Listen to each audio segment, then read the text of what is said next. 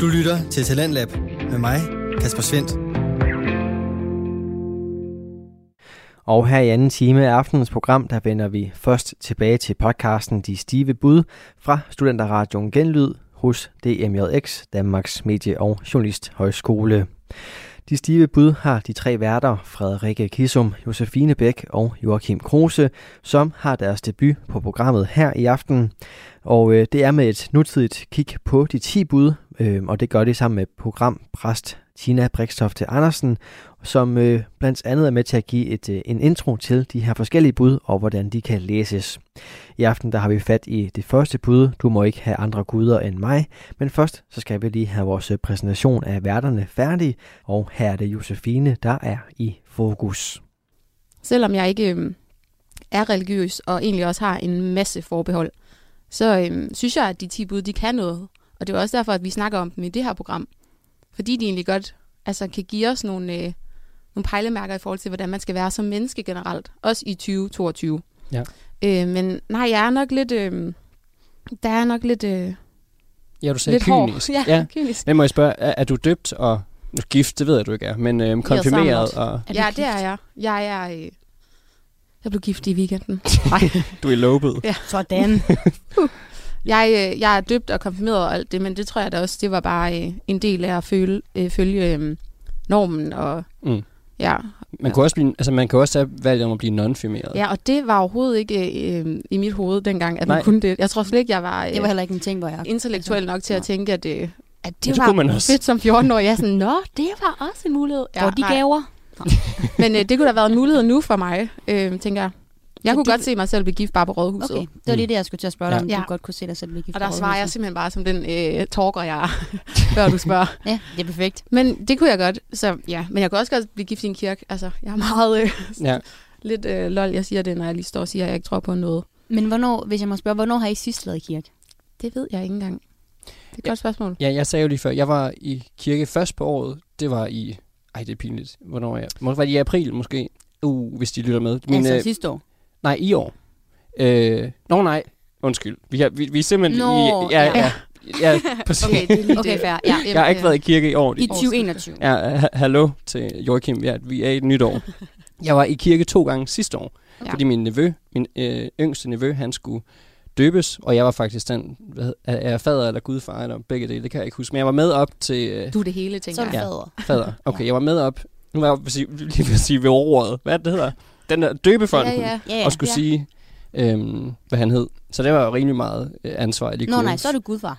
Okay, men jeg tror også, Ja. måske jeg er fader. Ej, det er pinligt det her. Nå, det læser jeg op på Mm. til næste uge. Mm. Øh, men det var fedt, og så kunne jeg jo fortælle, hvad han hed, og smide Joachim ind som mellemnavn. For eksempel. Ej. Seriøst? Nej. Nå. jeg føler bare, In jeg havde, dreams. føler bare, jeg havde rimelig meget ansvar at kunne sige, jeg kører den her. Men jeg, jeg, jeg sagde, hvad jeg fik at vide, jeg skulle sige. Ah, Ja. Og så var jeg her i, ja, det var i november, mm. så var jeg til en begravelse. Så det var også meget, altså det var ikke sm- smukt, men det var smukt at være Ja. med til en dåb, som er livets begyndelse, og så desværre et alt for tidligt Mm. slut på et liv. Men jeg synes faktisk, og det var også noget, jeg tænkte mig at spørge om, hvad I synes, at kirkerummet kan, for jeg synes, nu er jeg der så sjældent, men jeg har aldrig haft en dårlig oplevelse i kirken faktisk. Jeg synes, at det kan noget helt særligt mm. Øh, med sådan et kirkerum, og den lyd, der er derinde. Og de, jeg elsker også at synge sammen med andre, og mm. Med at synge salmer sammen. Ja. Og, ja, øhm, og der til begravelsen øh, var det bare, så sad vi jo bare, altså sindssygt mange mennesker side om side, og sang, og vi var kede af det, og det var bare, det var meget stærkt, og det føltes meget, Ja. altså på en måde uforpligtende, men også meget real at sidde på den der bænk sammen med mennesker, man elsker, og man har alle sammen fokus på et sted. Det, det kunne noget. Mm. Og jeg, jeg synes, man kan nok godt skabe den stemning et andet sted, men det kræver virkelig noget, fordi rammerne er der i en kirke, Mm. øhm, som er svære at etablere andre steder. Ja, man kommer helt sikkert hurtigere ind i et bestemt øh, mood. Ja, lige præcis. Ja. Hvornår var I sidst i kirke? Du kunne ikke huske det, Jose. Øh, jo, jamen, det kan jeg godt. Men, men det er fordi, jeg føler, det har også været til øh, begravelse desværre. Øhm, begge gange, dem som jeg lige husker. Men, men det er fordi, det føler jeg ikke helt det samme sådan, og i forhold til religion, at det er mere, hvis du selv tager i kirke Mm, ja, for en gudstjeneste Mm. for eksempel. Ja. Hvor at jeg kunne aldrig finde på lige meget, om jeg var en type, der altså, slet ikke kunne udstå religion, så ville jeg jo aldrig ikke tage til en begravelse i en kirke. Nej. Fordi det, det, der, der er ligesom noget større end en religion der. Det er et, en, et, en afsked med et menneske. Øhm, Men kirken er jo samtidig super central i altså den kristne tro. Så, sådan, ja, ja, det er, så, så på den måde har det jo en kæmpe... Altså man får et indblik i, hvad det er, vi, vi samles om. Ja, Eller de Helt samles sikkert, om, men jeg er tager ikke til en begravelse for religionen eller for kirken. Nej, der gør du det det for jeg for at sige farvel, Yes. og det havde egentlig været lige meget, om det var øh, ude på havet på en båd, eller det var i en Mm. kirke, eller Ja. det var til en øh, have, kom sammen et eller andet for at mindes et menneske. Ja. Mere, mere den vej, så jeg, jeg er faktisk, jeg er ikke engang i kirke til jul heller, eller noget. Okay. Og så tror jeg, at hvis jeg er i kirke, så er det for at høre en eller anden korkoncert, som jeg synes også er fedt, Mm. Og det er og lyder smukt. godt, og kan Mm. sidde og blive sådan betaget af det. Mm. Øhm, for jeg synes, det er smukt, men det har Ja. ikke noget sådan religiøst islet. Nej. Nej. Nå, for en ting er jo sådan de fysiske ting ved et kirkerum, altså for det kan jo noget, men så, ja, så er der jo alt muligt symbolik og tro og religion i det også, men jeg føler også bare med, for eksempel hvis- nu jeg vil jeg også karakterisere mig som kulturkristen, men at det kan noget, Mm. det der rum, og så, man, så kan man jo tage med det, hvad man har lyst til. Man kan jo Mm. lægge det i det, man har lyst. Ja, lige præcis. Så kan man elske man at, at sidde og synge, eller man kan øh, at sidde, altså, at kigge på vægmalerier, eller hvad ved jeg, eller Ja. sådan, man kan, tage, man kan jo tage med og fra, hvad man har lyst. Mm. Ja, Ja. præcis. Men hvornår, Frede, hvornår havde du sidst været i kirke? Sagde Jeg var i kirke for en måned siden i USA, Uh, nå ja. at, øh, Okay, det er jo et helt andet Ja. game, føler jeg. Hvor at det var med band og det hele, og gospelkor. Halleluja. Og, ja, det var nemlig. øh, men, øh, men min bedste venindes lille datter skulle øh, døbes, og der var jeg gudmor. Mm, og det var fedt. en helt anden oplevelse at være i kirke derovre, og, øh, og virkelig, virkelig fedt. Det kan altså, jeg godt prøve. Sindssygt fedt. Det er Ja. ja. sådan noget med, at ja, præsten, eller pastoren er det, kommer i øh, sådan rigtigt, hvad man ser på film. Det er ligesom en pavekostyme. ja. Mm. Klasse. Og øh, så har vi det her band, der bare står med deres øh, elgitar og trommer ind i sådan et indelukket... Ej, øh, okay, også... Altså, Ja, ja, Okay. inde i kirken. Altså, det er det vildeste. Elgitar. Ja, Fedt. ikke, ikke, øh, ja, hedder det ikke det? Ikke Jo, en jo, luftgitar, jo. det var en elgitar. det var noget helt andet. Jeg kommer sgu ikke så langt, hvis man bare har en luftgitar. en elgitar. Øhm, men det var Den bare mega. store. Og så nogen, der Ja. står og synger. Altså sådan rigtig gospel, og det er bare det smukkeste. Øhm, men i forhold til det med jul, som jeg snakkede om, jeg tror, at, at hjemme i min landsby, hvor jeg kommer fra, der er de fleste i kirke juleaften, fordi det er ligesom får hele landsbyen til at blive samlet. Mm. Mm. Det er der, jeg ser alle mine folkeskolevenner, fordi vi alle sammen er til klokken 3 gudstjenesten. Ja. Øh, og hvis ikke vores forældre vil med, så har vi altid aftalt, at vi kommer derhen, fordi vi så kan se hinanden. Mm. Ja. Ja. Så det er lidt fedt, at, at kirken på den måde også i mit liv er noget, der bringer en sammen, selvom jeg ikke normalt går i kirke. Ja, præcis. Øhm, Ja. Det synes jeg, der er mega nice. At det kan noget mere. Mm. Og så elsker jeg salmerne. Altså, jeg synes, Ja. det er så smukt at sidde og synge ind i kirken. Ja. Ja. Måske er det også netop det, man kan tage med videre som kulturkristen, min, hvis man ikke har religionen med sig, at man kan godt bruge rummet, og man kan godt bruge, ja, måske aldergangen, og man kan bruge salmerne, man kan bruge alle de der små delelementer, Ja. uden at tage hele pakken med. Det er måske egentlig en meget fin måde at betragte det på. Ja, mm. Lidt ligesom de 10 bud. Altså i forhold til, at man mm. Kan ligesom tage det, man kan bruge ud fra dem, Ja. øh, og sådan vende og dreje dem lidt, mm. Så de øh, giver mening i ens liv. Men lidt apropos øh, salmer, så tænker jeg måske, at vi skal øh, til vores næste sang. Det synes jeg også. Det man er kunne jo, godt synge den her i en kirke. Det føler jeg. Det føler jeg bestemt, man kunne. Ja. Altså selvom det er Storms, vi skal til at høre. Som Altså, er jo, Vi, øh, vi sang Kanye West i kirken i USA, vil jeg gerne okay, sige. jamen så skal jeg øh, da ikke øh, Så det kan man sige godt. mere. Fedt. Ja. Jeg synes, vi skal, øhm, vi skal lytte til den, og det er Blinded by Your Grace med Stormzy.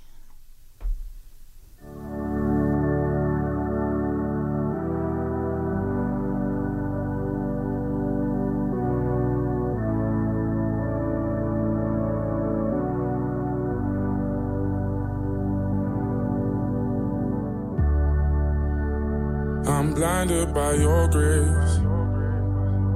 I'm blinded by your grace, by your grace. I'm blinded by your grace. I'm blinded by your Lord. I've been broken, although I'm not worthy. You fix me. I'm blinded by your grace.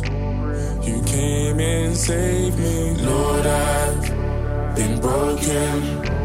Although I'm not worthy, you fixed me. Now I'm blinded by your grace. You came and saved me. One time for the Lord, and one time for the cause.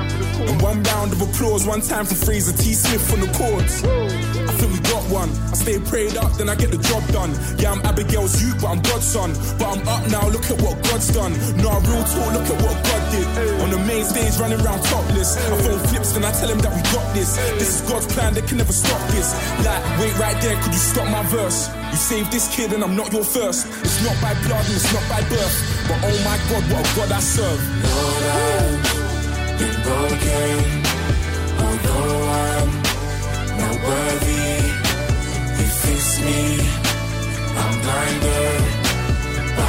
grace. You came and saved me,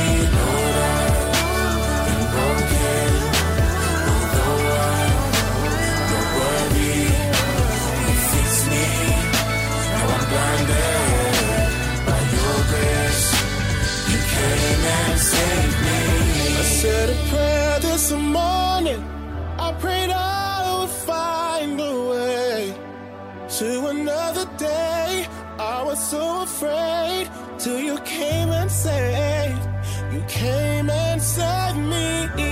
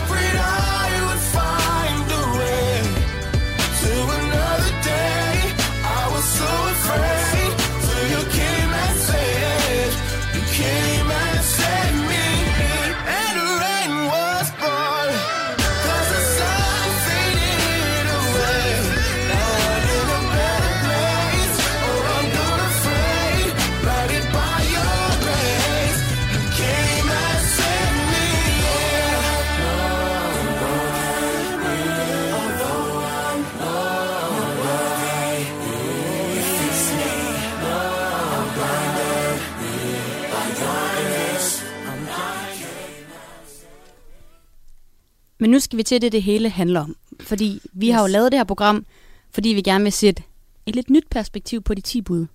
Og øhm, i dag skal vi snakke om bud nummer et, hvilket giver meget god mening, fordi det er program nummer et. Ja, det hænger sgu sammen. Så vi snakker om bud nummer et. Men jeg tænker, har vi inden- regnet den ud. det, det er de helt, til de helt hurtige, det Ja. her. Men inden vi går i gang, så tænker jeg faktisk lige, at vi skal høre fra programpræsten Tina. Vores allersødeste Tina, der har, har lovet at hjælpe os med at, at præsentere de her bud på en, en meget spiselig og meget god måde. Ja. Yes, så øh, her kommer Tinas rigtig gode beskrivelse af bud nummer et.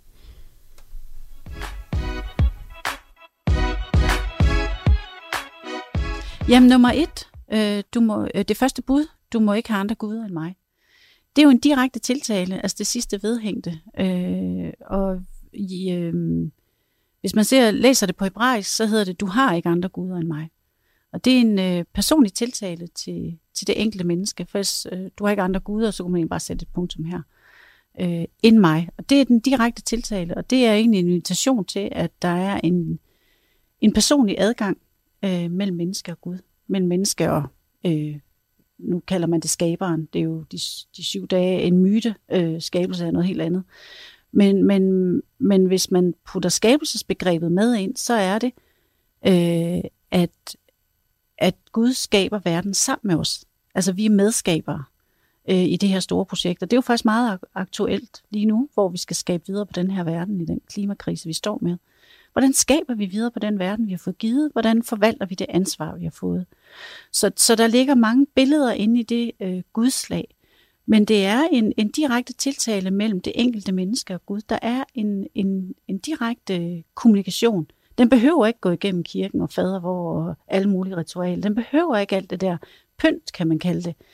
Øh, men det er, det er noget, det er lidt ligesom det der, øh, de sidste sekunder, inden, hvor vi lægger os på puden, og hvor vi har slukket telefonen, og vi ved, nu skal vi sove.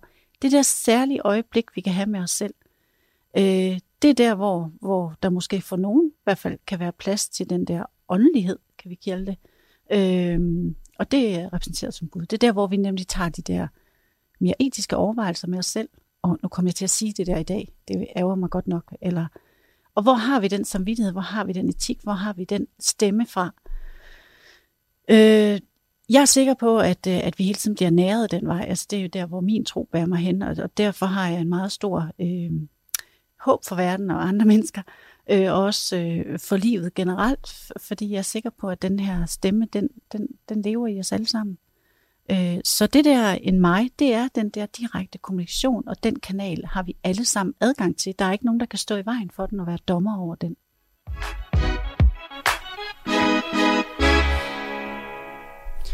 Ja, men det var Tinas udlæg her af bud nummer et. Du må ikke have andre guder end mig. Og jeg synes simpelthen, at det er så... Altså, hun præsenterer det på sådan en god måde, og jeg synes, hun præsenterer det på en måde, som man selv kan tage og bruge det lidt til, hvad man har lyst til. Fordi hun snakker om den her personlige kanal, man kan have. Og hun var sagde, at det kan jo gå uden om... Øh, det kan jo gå uden om øh, ja, kirken, det kan gå uden om tro, det kan gå uden om så mange ting. Det er en personlig vej, man selv kan bruge, som man har lyst til. Det synes jeg er en god pointe. Ja, det er lidt mellem os som mennesker og så Gud. Øhm, men, men også udenom religion, at det ikke behøver at være nødvendigvis øhm, Gud og en selv, der sådan har en samtale eller et eller andet. Det har hun med, hun siger, at man, og det tror jeg, vi egentlig alle sammen kender, når man lige lægger sig til at sove om natten, det, så kan det godt køre lidt rundt op og sådan, mm. Mm. Hvad, hvad, hvad er der sket i dag? Åh, oh, jeg sagde det der, det var fandme dumt, et Oh, eller ja. andet. Oh ja. Øhm, så mere egentlig det her med, at der er plads til en åndelighed, og nu siger hun åndelighed, og det er lidt religiøst, det kan jeg godt mærke, Mm. at jeg selv er sådan, øh. men, men det kan jo være alt. Det ja. kan det vidderligt. Ja. En eller anden åndelighed, det kan være, det kan bare være ens tanker og ens selv. Det synes jeg er, er mega brugbart og meget genkendeligt egentlig, at man ligger og tænker, og ja, så kan det godt være, at man ikke tænker sådan, nu siger jeg det her til dig, Gud, men Mm. man bare siger det for sig selv, eller til mm. sig selv. Eller tænker det. Ja, ja, præcis. Ja, lige præcis. Nogen har brug for at sige det højt, nogen siger det ikke højt, men tænker det. Men Ja. det, jeg synes, der var, der var meget fedt ved hendes, ved hendes beskrivelse af budet, det var, at, at ved os er det, du må ikke have andre guder end mig. Hvor der ved det første var sådan, du har ikke. Altså når hun, Mm. når hun oversætter det til hebraisk, og det var sådan lidt, okay, det, det kan jeg i hvert fald huske, da hun snakkede om det i starten, og vi hørte det sat mange ting i perspektiv. Det er nok derfor, at, at mange måske lever efter det som, at du har kun mig som Gud, hvor at du ved, kulturkristne som også måske er sådan lidt, hmm, Ja, præcis. Altså, Ja, de, de, de bruger det, det der må meget, altså, ja, for vi lever meget friere. end Og det kan godt Mm. lyde sådan lidt øh, strengt og lidt strikst, og være sådan, det må du ikke. Og, Mm. ja. eller Ja. du Men- skal have den her Gud. Ja. Eller, Men det var lige så meget det der med, at, at, at ved at sige det her bud, at vi så var ligesom medskaber og havde et ansvar også i forhold til, hvordan vi skaber videre på, på den her verden. Og det er jo egentlig meget reelt. Også Tina nævner øhm, klimakrisen i det her lille klip, vi har med. Mm. Hvor jeg bare sådan, ja, det er så rigtigt. Altså, vi har et ansvar, og vi er Mm. også medskaber af, hvordan for eksempel den her klode kommer til at være for vores børn og børnebørn-agtigt. Ja, lige øhm, præcis. Og, Og, det bliver bare ikke mere ja, aktuelt og reelt. nej, overhovedet ikke. Og vi optog den her øhm, snak med Tina, inden at for eksempel også, at Rusland gik ind i Ukraine. Så mm. Mm. bare sådan, det var sikkert også noget, hun kunne finde på at have nævnt øhm, i vores samtale, at det er de her overvejelser, etiske og menneskelige overvejelser, som man kan bruge til noget, og som man kan bruge til at reflektere over ting, der sker i verden, og hvordan man har selv har lyst til at være i den her verden, hvor der sker så mange forskellige ting. Du lytter til Radio 4. Vi er i gang med aftenens andet podcast afsnit her i Talent Lab. Det er programmet på Radio 4, som giver dig mulighed for at høre nogle af Danmarks bedste fritidspodcasts, der deler nye stemmer, der deler nye stemmer, fortællinger og måske endda nye holdninger. De holdninger handler i aften blandt andet omkring de 10 bud, for vi er i gang med podcasten De Stive Bud, som har de tre værter Frederikke Kissum, Josefine Bæk og Joachim Kruse. De er godt i gang med at dykke ned i det her første bud, du må ikke have andre guder end mig, eller som på hebraisk, du har ikke andre guder end mig, og det neddyk fortsætter vi med lige her. Øhm, og noget, jeg også fæstede mig ved, det var, at det lyder meget, du må ikke have andre guder end mig. Det lyder rimelig sådan autoritært, og sådan. Ja. synes jeg på ingen måde, at Mm. hun får den præsenteret, nej. budet. Jeg synes, det bliver meget mere ja, rart at være i, og personligt den måde, hun får lagt det ud. Det ved jeg ikke, hvordan I har det med. Men det er nok også, fordi Ja. jeg føler, at hun allerede der perspektiverer den til nutiden. Ja, Du klart. ved, hun får den gjort til en måde, så vi i hvert fald forstår den og kan relatere, men også så jeg føler, at andre mennesker derude kan, kan forstå og relatere den, fordi jeg kan da huske, at, at da man selv blev præsenteret for de 10 bud i starten, da man havde religion i skolen eller kristendom i skolen, hvor man var sådan lidt, jeg forstår ingenting af det, der står her. Ja. Altså, du må ikke have noget gået mig, bare sådan, nej, det er okay. jeg bare sådan lidt spurgt. Undskyld mig, men altså, Ja. Ja. Jamen, ikke helt at, at man har det, men jeg tror, når man vokser op, så tror jeg måske mere, man er sådan lidt, okay, selvfølgelig tror jeg da måske på Gud, fordi at det er det, jeg bliver lært i skolen. Ja. Det tror jeg i hvert fald, jeg havde det sådan med, at, at det er det, jeg bliver lært i skolen. Og du ved, når man bliver ældre, så er jeg sådan lidt, det er jo ikke fordi, jeg har andre guder, jeg ved ikke engang, om jeg har én gud. Men det er mere sådan, okay, det er jo også bare lidt respekt, der går til andre. Altså, jeg føler også godt, den kan, spe- kan, spe- kan perspektiveres. Det var det ord. Øh, kan perspektiveres til Ja. andre ting, altså som, Mm. Mm. du må ikke have andre kærester end mig. Du må ikke have... Eh, nej, altså, sådan lidt, hvis man stiller det i det højere perspektiv, altså Mm. lidt, Ja, ja. sådan lidt, du, man skal Det er sgu ikke spille på to heste. altså, Nej, nej, men det, Hvis det, man- det er egentlig rigtigt nok. Ja, altså, ja, man må også sådan lidt øh, tage et standpunkt, eller sådan stå op for noget.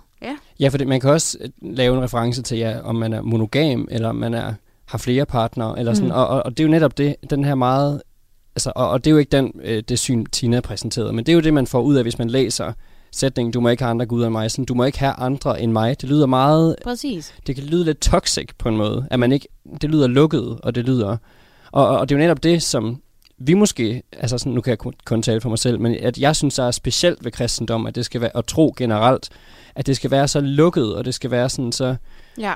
at det skal være en, ja, en, Det et skal være lidt af landevejen, føler Ja. jeg lidt sådan. Lidt, det er en lige vej, du går. Ja, ja lige lidt det her præcis. lovmæssige, der også sådan skuer lidt. Ja. At man kan blive lidt nærmest skræmt over det. Præcis. Også i forhold til, at, at, at man i dag jo ved også, hvad religion egentlig også er skyld i, af mange sådan grumme ting. Men, Ja, øhm, præcis. ja, Hvis man, ja, fordi ja, altså, man kan godt forestille sig, at du må ikke have andre guder end mig. Det kan ende, nu bliver det også lidt øh, voldsomt, men det godt kan ende i ekstremisme, for vi- hvis man altså, Mm. fortsætter med at reflektere over det ud, ned, ad den, ned ad det spor, Ja. Så, så kan man godt se, hvordan det kan, altså, kan gå galt. Men hvor Tina præsenterer det mere som om, at det skal være en rettesnor og en, et værdi- og etisk spørgsmål, øhm, som, Ja. som er gældende for alle de 10 bud, og det kommer vi også til at snakke om de næste par uger. Ja, og der er det også, synes jeg, det fede i forhold til at tage et standpunkt, hvor man er sådan, okay, måske er jeg ikke religiøs, men kulturkristen, det, det er egentlig, det er cool-agtigt. Mm. Men så har man også bare muligheden for at være sådan lidt øhm, fluffy, har jeg lyst til at sige. Lidt mere, øhm, altså vælge frit og være sådan, "Nå, men Ja. okay, den ene dag, der kan jeg sgu godt bede en bøn, fordi at jeg er presset over det her. Mm. Mm. Sådan, nu skal der simpelthen nogle højere magter til at hjælpe mig med det her, for Mm. det er Ja. helt ude af- af sporet. Eller Ja, sådan du noget. kan Men- vælge at vrage. Ja, og så næste Ja. ja. dag kan jeg være sådan helt hissig på religion, eller jeg kan tro på stjernetegn, eller altså, det er, det er lidt mere øhm, op til ens eget valg. Lige præcis. Og, og, og det tror jeg netop er sådan noget, jeg godt kunne se mig selv i, i form af den kulturkristenhed, som Ja. jeg vil sige, at jeg indebærer og er en del af. For der er så mange af de her overvejelser, som jeg sagtens kan tilknytte mig. Mm. Altså, ja. ja, præcis. For eksempel det, som hun jo bliver ved med at sige hvor, i den samtale, vi havde med hende, at det hele kan koges ned til, at du skal elske den, din næste, som du elsker dig selv. Ja. Og det kommer vi også til at snakke om videre, men så er spørgsmålet jo så i den her forbindelse, om man er i stand til at elske sin næste, og om man er i stand til at elske sig selv. Og, og det er jo netop også noget, man kan bruge de her 10 bud til at lære, for det handler om respekt, både over for en selv og over for andre, og man ligesom skal, skal give sig selv tid til den her refleksion. Og det er jo også nogle af de øh, andre bud, vi vil dykke ned i, som omhandler det her, du siger, Joachim. Øhm, og det her første bud er jo også sådan, det er lidt fluffy at snakke om, føler jeg. Mm. Øhm, nok både fordi det er første bud, øhm, så man skal ligesom lige altså, spore sig ind på, hvad det handler om, men også fordi, at budet bare er så bredt egentlig. Ja. Og Det er mega bredt. Ja. Ja. Men, men der, der kan jeg også huske, Tina hun fortæller jo, at, at der, var- det er første bud lidt ligesom, du må ikke have andre guder. Det er lidt ligesom vores grundlov i dag på en eller anden måde. Ja. Altså, de var nødt til at lige sådan sætte en ramme. De Sådan, vidste, det er ikke, altså lige, det hvad her. de, skulle, øh, de vidste ikke, hvad de skulle give Moses med ned for det der Sinai bjerg. Nej. Bare sådan, okay, vi skal skulle skrive et eller andet ned på det her. Ja. Ja, vi skal starte et sted. Du må ikke Ja. have andre guder. Sådan, du, du skal følge den her lovagtigt. Ja, Vi skal have styr på de her folk. ja det er lidt sådan. Ja, det tror jeg også. Mm. Og det er, jo, det er jo egentlig kun godt, tror jeg, at der er nogle fælles regler. Mm. Og så bliver de jo meget et mere specifikke. Ja. Meget mere specifikke. Ja, Altså, det gør de. det kan vi godt øh, allerede afsløre nu, at de skal glæde sig til de næste mange uger. Ja. Fordi det er mange spændende ting, vi kommer til at snakke om. Men der er også det her vi spørgsmål. Der er også, ja, lige præcis. Men der er også det her spørgsmål med, at med folkekirken, for vi er jo alle sammen medlem af folkekirken stadig. Ja. Om man kunne forestille sig, det sagde du, Fred, at det kunne du ikke forestille dig at melde dig ud af.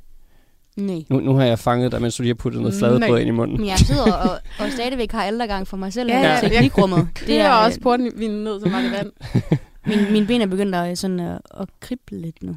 Mm, der, er, der, er også procenter det hele i, så det er lækkert.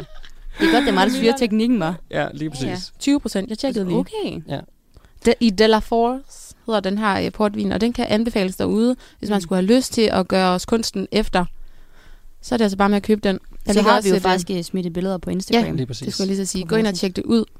På De stive bud. For den er Det hedder vi bare. er fandme god. landvejen. På vores Instagram. Ligesom yes. kristendommen er lige ud af landvejen, så hedder vi bare de stive bud. Men hvad tænker I egentlig? For lige at vende tilbage, Joachim, du sagde det her med, at man er, jo, man er en del af, af folkekirken, og Mm. man ved det eller ej, skulle jeg til at sige, fra, mm. Mm. fra man er uh, born and raised. Føler I, at det, at det skulle mere være et aktivt valg? Eller hvad mener I om det, ikke føler? Mener I, at man skulle sådan tage stilling selv?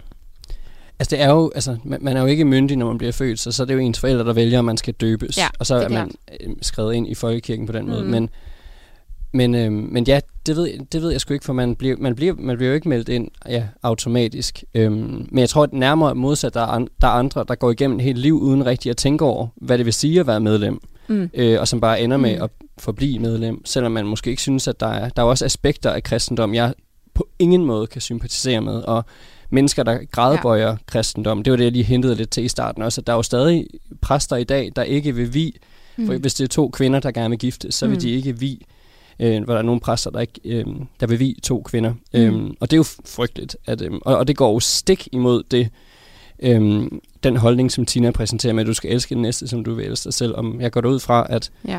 at alle godt kunne tænke sig at blive gift med den, de elsker, øhm, uanset køn og hvem man selv er. Præcis. Også det her med, at, at de 10 bud, de 10 bud, de skal faktisk ikke være, um, det skal ikke være en lov på den måde, at de sådan bliver brugt til at dunke hinanden oven i hovedet. Sådan, du, mm. du gjorde ikke det her, eller du gjorde det her forkert, du fulgte ikke de 10 bud. Det skal mere bare være sådan en etisk rettesnor, og så med den her gyldne regel. Det er Elsk lidt noget, man næste. kan følge, hvis det er. Det er Ja. ikke noget, man skal følge. Mm-mm. Men, men ja, lidt sådan en, en lille bog om det her. Det kan du gøre. Lige præcis. Lige præcis. Og måske skal vi slå op i salmebogen en gang til og lige høre en sang. Yes. Og vi skal høre en øh, klassiker, som hun er jo faktisk lige øh, annonceret, hun er gravid. Så vi skal faktisk høre noget Rihanna. Og vi skal høre en af hendes allerbedste sange, den hedder Love on the Brain. Den kommer her.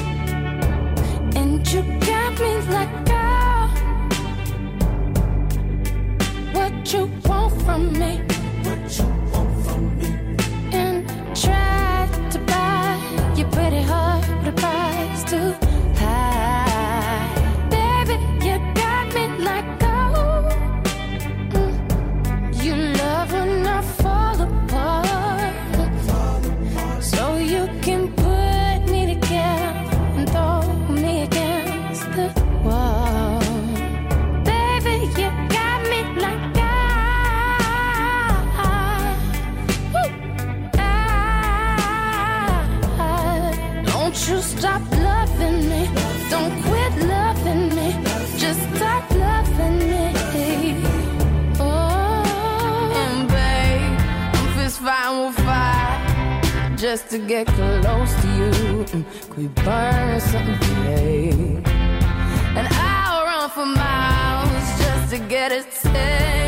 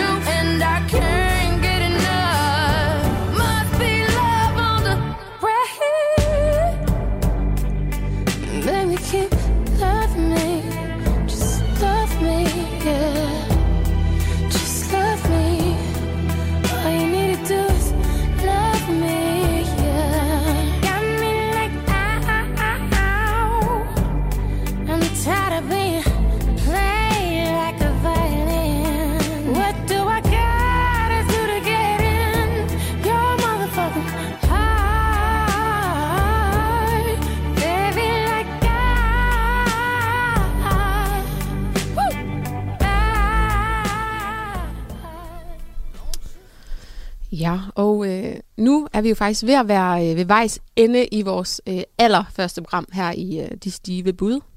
Ja. Og det har simpelthen bare været øh, mega fedt. Det går Også stærkt. lidt øh, sådan, øh, spændingen har været der lidt til at starte med undervejs i programmet.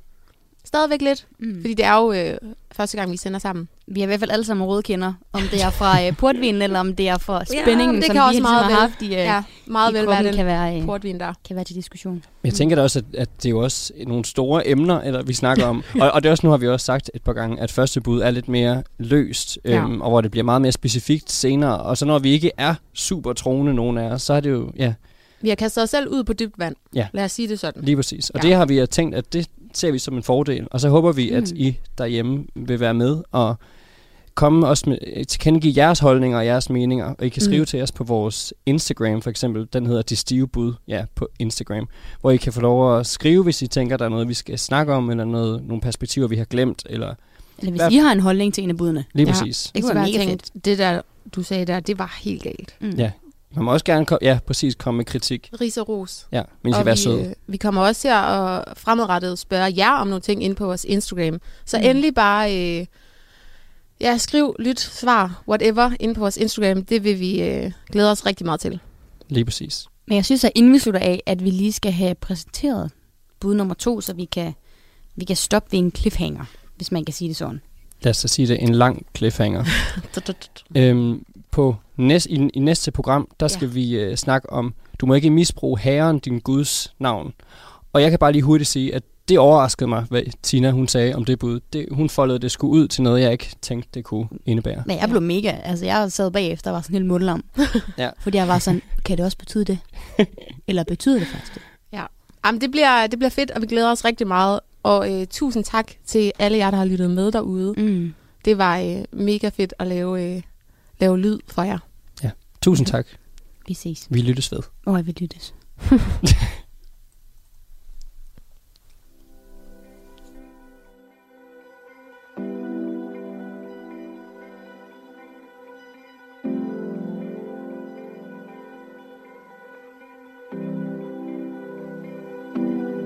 I walk beside, I walk beside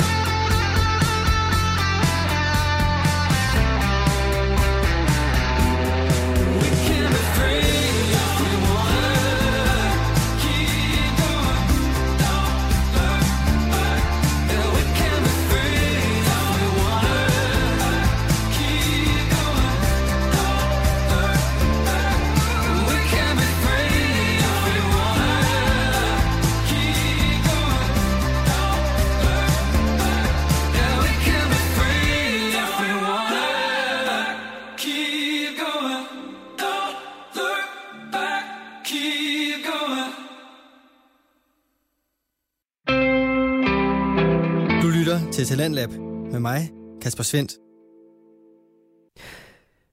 Det var enden på det første afsnit fra podcasten De Stive Bud med Frederikke Kisum, Josefine Bæk og Joachim Kruse, som altså alle sammen er studerende ved Danmarks Medie- og Journalisthøjskole, og altså laver podcasten her på Studenterradioen Genlyd.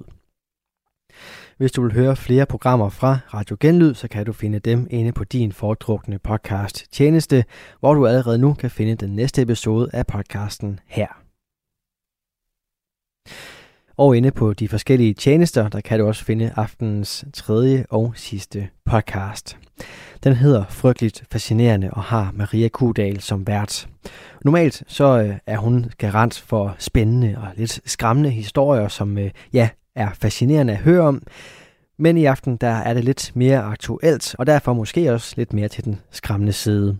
For vi skal høre omkring øh, Holodomor, som er folkedrabet i Ukraine i 30'erne, og det er altså lidt en historie, som gentager sig her i 2022. Det fortæller Maria meget mere om her i aftenens afsnit fra Frygteligt Fascinerende. Du lytter til Frygteligt Fascinerende. Jeg ved, at alle nok er påvirket af situationen i Europa lige nu. Det er jeg selvfølgelig også. Derfor har jeg lavet lidt om i min udgivelsesplan. I dag fortæller jeg en historie fra Ukraine. For det er ikke første gang, at ukrainsk territorie og identitet er under angreb. I dag skal vi tilbage til 1932 og 33 til den ukrainske holocaust pendant, Holodomor. Hvis det der med europæisk historie også er lidt rusten for dig, så vil jeg bare lige kort rise op her, at vi i 30'erne står i et Ukraine, der er en del af det relativt nyoprettede Sovjetunionen. Ukraine har i årene inden indlemmelsen i Sovjetunionen kortvejt været en selvstændig stat efter starttidens storrussiske rige. Men her i 1930'erne kæmper styret for at sikre sammenhæng i unionen. For der var ikke nødvendigvis en bred tilslutning til indlemmelsen i Sovjet blandt borgerne i Ukraine, og den ulmende modstand har allerede på det her tidspunkt betydet, at der har været flere oprør med væbnet modstand. Og samtidig så rasler det i tornystrøget over i Europa, hvor Hitler står med en øget indflydelse og nogle ambitioner, som helt sikkert ikke er gået Stalins næse forbi. Stalin han kan personligt huske, hvordan de ukrainske bønder kæmpede imod revolutionen og indlemmelsen i Sovjetunionen dengang. Og da Kreml beslutter at gå den kommunistiske line ud og kollektivisere landbruget i hele unionen, så går det særligt ud over Ukraine. Landet er meget frugtbart, og flere steder bliver det omtalt som Sovjetunionens kornkammer, fordi der er så velfungerende et landbrug. Derfor er der nye bundeoprør i Ukraine efter kollektiviseringerne begynder. Så nu står Stalin med flere problemer. Sovjetunionen har brug for ressourcer, så de kan modstå truslen fra Tyskland. De har brug for sammenhængskraft i unionen, og så har de brug for at få ro på de oprørske stemmer i yderområderne. Som løsning på de problemer udtænker man i Kreml en strategi, der både skal sikre ressourcer til militær oprustning og statslig konsolidering, og som samtidig skal svække den modvillige bundestand, der traditionelt har været bærere af Ukraines nationalfølelse. De beslutter at tømme landet for fødevarer og sælge dem på verdensmarkedet. Simpelthen. En bevidst, menneskeskabt hungersnød i unionens kornkammer – i år 1932 og 33, hvor det sovjetiske regime systematisk stjæler fødevarer fra Ukraine, mister mindst 3 millioner ukrainere livet. I hele unionen anslås det, at 7-10 millioner mennesker mister livet i fødevarekrisen. Hvert minut dør 17 personer. Hver time 1000, og hver dag 25.000. Og det er derfor, der er nogen, der kalder det for Ukraines holocaust. For det er uhyggeligt, hvor mange mennesker, der mister livet. Holodomor er en sammentrækning af det ukrainske ord for sult, holod og udryddelse, mor. Og måske har du aldrig hørt om Holodomor før, og måske undrer du dig over, hvorfor. Og det kan jeg godt forstå. Det gør jeg egentlig også. Men måske bliver du en smule klogere på det her i afsnittet. Velkommen til det her afsnit af Frygteligt Fascinerende, hvor vi dykker ned i Holodomor i sympati med det, der sker i Ukraine lige nu. Frygteligt Fascinerende er en podcast om alt det frygtelige, som alligevel fascinerer os. Her nørder vi helt ned i detaljen i nogle af de mest opsigtsvækkende og uhyggelige fænomener og begivenheder i historien. Velkommen til. Der er masser af advarselslamper, der lyser i det tidlige forår i 1932 i Ukraine. Bønderne i landets provinser er begyndt at sulte. Der er rapporter om børn med opsvulmede maver fra Lutsk i nord til Odessa i syd. Familier, der spiser græs for at overleve. Bønder, der forlader deres hjem i søgen efter mad. I starten af marts kommer de første rapporter om landsbyer, hvor der ligger lige i gaderne, fordi ingen har kræfter og overskud til at begrave dem. De lokale myndigheder forsøger at skjule de mange dødsfald for udefrakommende. De benægter det, der foregår, selvom det er åbenlyst for enhver. I breve, der først kommer frem efter Sovjetunionens fald, skriver bønder og borgere direkte til politikerne i Kreml i søgen efter svar på den alvorlige situation. Ærede kammerat Stalin, har den sovjetiske regering lov, der fastslår, at folk på landet skal sulte? For vi kollektive landarbejdere har siden den 1. januar ikke haft så meget som en skive brød på vores gård. Hvordan skal vi kunne opbygge et socialistisk folks økonomi, når vi er dømt til at sulte ihjel, da der er stadig fire måneder til høsttiden? Hvad led vi døden for på slagmarken? At sulte og se vores børn bukke under for sultens kvaler? Andre finder det helt umuligt at tro på, at det er den sovjetiske stat, der er ansvarlig. Hver dag dør der i landsbyerne 10-20 familier af sult. Børn stikker af, og jernbanestationerne er fyldt med flygtende landsbyboere. Der er ingen heste eller andre husdyr tilbage på landet. Borgerskabet er skyld i en virkelig hungersnød her, og det er en del af den kapitalistiske plan om at rejse hele bundestanden mod den sovjetiske regering. Og selvom det er en nærliggende tanke i den nye kommunistiske union, at det er borgerskabet, der er skyld i hungersnøden, så er det ikke helt rigtigt. I starten af 30'erne beslutter den sovjetiske ledelse at gennemføre en tvangskollektivisering af landbrugsjorden i Ukraine. Bønderne tvinges til at afgive deres jorder og indgå i landbrugskollektiver, og de velstående bønder, de såkaldte kulakker, bliver fordrevet fra deres hjem. Det fører til kaotiske tilstande i landbruget over hele Sovjetunionen. De nye systemer er slet ikke lige så effektive som de gamle. Slet ikke. Og i sommeren 1932 er landbrugsområder over hele unionen drevet ud til afgrunden af en sultkatastrofe. Lokale myndigheder sender gennem hele foråret og sommeren pressede meldinger til Kreml fra alle egne af Sovjet og beskriver krisen. I Ukraine er de kommunistiske partiledere særligt desperate, og de sender lange breve til Stalin og tryller om hjælp. I sensommeren 1932 tror de stadig, at de kan undgå den største tragedie.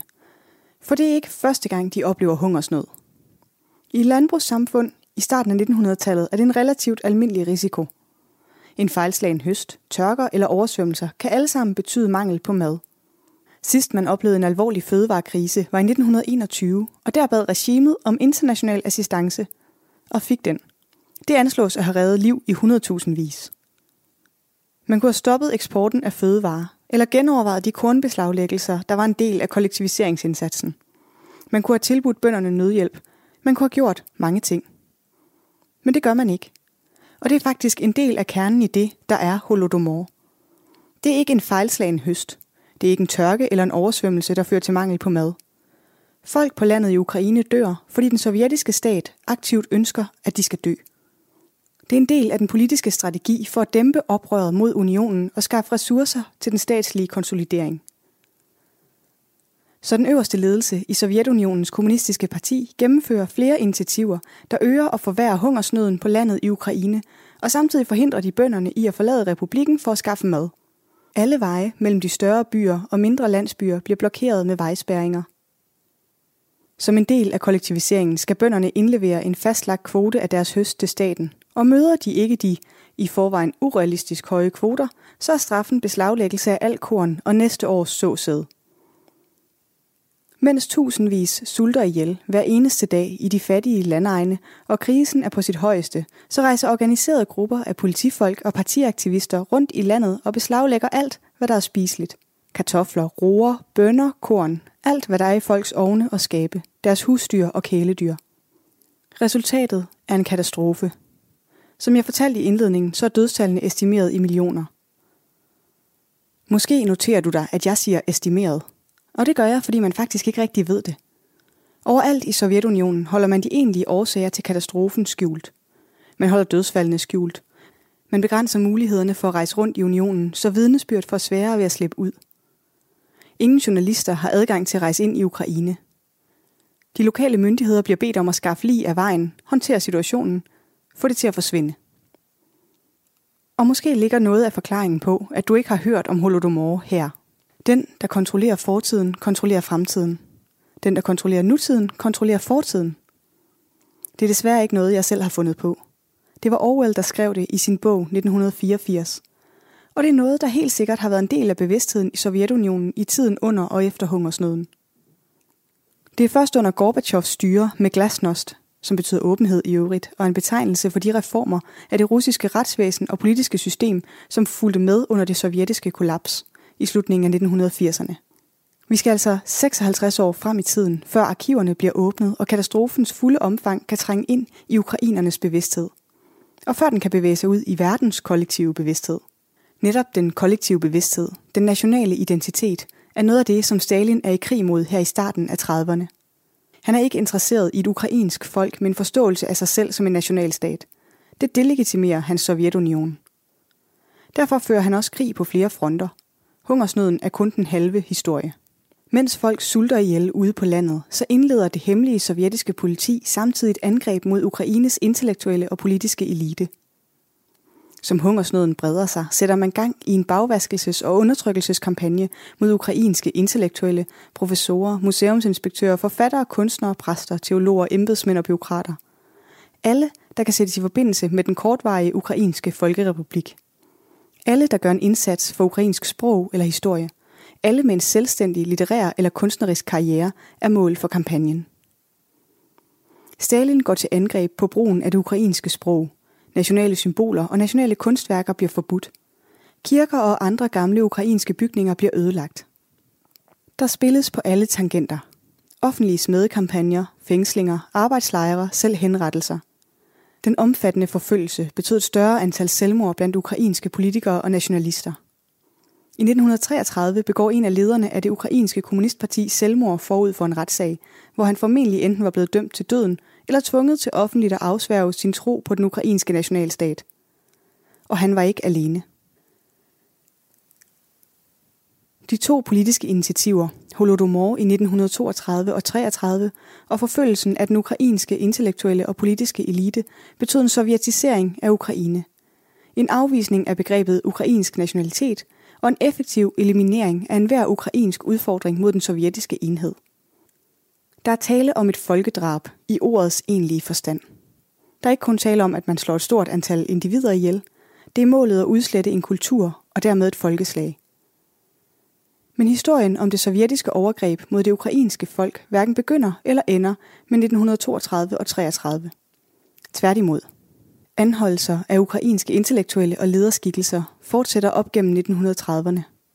I mere end et halvt århundrede herefter reagerer den sovjetiske ledelse stadig benhårdt mod enhver form for ukrainsk nationalisme. Der er flere eksempler på ukrainsk modstand og oprør gennem historien. Både i kølvandet på 2. verdenskrig og op gennem 1980'erne, da Sovjetunionen begynder at vakle. I de år tager sovjetiseringen form af en russificering af Ukraine – det ukrainske sprog bliver negligeret, og der bliver ikke undervist i ukrainsk historie. Og det starter med, at man ikke fortæller nogen om hungersnøden. Mellem 1933 og 1991 nægter Sovjetunionen at indrømme, at der overhovedet har været nogen hungersnød. Staten ødelægger lokale arkiver. De omskriver dødsrapporter, så de ikke så meget som antyder noget om sult. Man ændrer de offentligt tilgængelige statistikker for at skjule, hvad der er foregået. Kort sagt, så arbejder en hel her af sovjetiske embedsmænd på at skrive fristil i de offentlige registre, så alle spor af katastrofen bliver slettet. I al den tid Sovjet eksisterer, er det umuligt at dokumentere hungersnøden og den undertrykkelse af det ukrainske folk, der var det andet ben i folkedrabet. Men i 1991 kollapser Sovjetunionen. Delvist fordi Ukraine beslutter sig for at træde ud af fællesskabet. Og så ser et selvstændigt Ukraine dagens lys – og med det en ny generation af meningsdannere, forlæggere, historikere og journalister, som er klar til at fortælle den ukrainske historie. I landet har der været flere omfattende nationale kampagner, hvor de har indsamlet mundtlige beretninger, nedskrevet erindringer og sørget for, at tusindvis af vidnesbyrd ikke er gået tabt. Samtidig er arkiver i Kyiv, i modsætning til dem i Moskva, blevet tilgængelige. Og takket være en kæmpemæssig indsats er arbejdet med at fastslå antallet af ofre for Holodomor kommet længere, end der i en lang periode har været håb om. Holodomor bliver også brugt som en del af den ukrainske uafhængighedsbevægelses politik. Det bliver brugt som en delegitimering af Sovjetunionen og udefra kommende magtindflydelse, og dermed også en legitimering af et selvstændigt Ukraine. Historien er med andre ord blevet et vigtigt led i Ukraines nation building. Procentdelen af uklassificeret statsligt arkivmateriale i Ukraine er en af de højeste i Europa. Det har derfor ikke været nogen nem opgave, men den er vigtig. Hvis det her afsnit var skrevet for et par uger siden, så kunne min introduktion til et vanvittigt komplekst emne måske slutte her. Men fordi den menneskeskabte hungersnød knuste den ukrainske nationalbevægelse, og fordi den bevægelse blev genoplevet i 1991, og fordi lederne af det nye Rusland stadig anfægter den ukrainske stats legitimitet, så slutter det ikke her. Holodomor, folkedrabet og deres traumer spiller en kolossal rolle for nutidens russere og ukrainere, når det gælder diskussionen om deres nationale identitet, deres indbyrdes relation og deres fælles oplevelser under sovjettiden. Og det viser, hvor vigtig historieskrivningen, den fælles forståelse, er for det politiske handlerum. Og der er stadig stor forskel på historieskrivningen i øst og vest. Mellem 2 og 3 millioner russiske, men især hviderussiske og ukrainske jøder blev myrdet af tyskerne under 2. verdenskrig. De figurerer stadig som fredelige sovjetborgere, når 2. verdenskrig bliver beskrevet i Rusland. I russisk historie er det altså ikke jøder, som tyskerne slog ihjel, men fredelige sovjetborgere, selvom alle nu bør vide, at jøder netop blev dræbt, fordi de var jøder, og ikke fordi de var sovjetborgere. Og det er helt sikkert et bevidst valg. En strategi, om man vil. Kreml ønsker ikke nogen konkurrent til rollen som offer, der historisk vendte krigslykken og blev sejrherre i 2. verdenskrig. Der er altså stadig afgørende forskelle på den kollektive erindring i Vesteuropa på den ene side og Rusland på den anden. Mens hovedværdierne i Vest bygger på oplysningstidens idealer om demokrati og lighed for loven og ytringsfrihed og pluralisme, så spiller den stærke stat og opslutningen bag ledelsen hovedrollen i Rusland. Det kommer næppe til at ændre sig forløbig. Den, der kontrollerer nutiden, kontrollerer fortiden. Men kun ved at forstå fortiden har vi nogen som helst chance for at ændre på fremtiden. Tolkningen og fremstillingen af historien er et stærkt ideologisk våben, der kan bruges både indad til og udad til. Ukraine er et exceptionelt land, men exceptionelt sej og modstandsdygtig befolkning. De ved, hvad krig er. De ved, hvad folkemord er. De kender det, når de ser det, for de har set det før. Så hvis du hører nogen, der i dit fjernsyn taler om, at Ukraine ikke har nogen selvstændig national identitet, så husk, at det har vi hørt før. Og det er en farlig måde at tale om folk på. Historisk er det blevet brugt til at legitimere både folkedrab og forfølgelse. Og senest en invasion. Hvor skal jeg kæmpe med? Vad är mitt våpen? Øverst i episodebeskrivelsen ligger et link til alt det, du kan gøre for at støtte Ukraine. De har brug for al den hjælp, de kan få. Det var 23. afsnit af Frygteligt Fascinerende. Researchet, skrevet, optaget og redigeret af mig. Jeg hedder Maria. Næste afsnit kommer allerede i næste uge, og du kan høre det i iTunes, Spotify eller der, hvor du normalt lytter til podcast. Du kan følge Frygteligt Fascinerende på Instagram, og gør det endelig, hvis du ikke allerede har gjort det. Hvis du kunne lide det, du hørte, så giv endelig podcasten en anmeldelse. Det hjælper andre med at blive frygteligt fascineret. Tak for nu.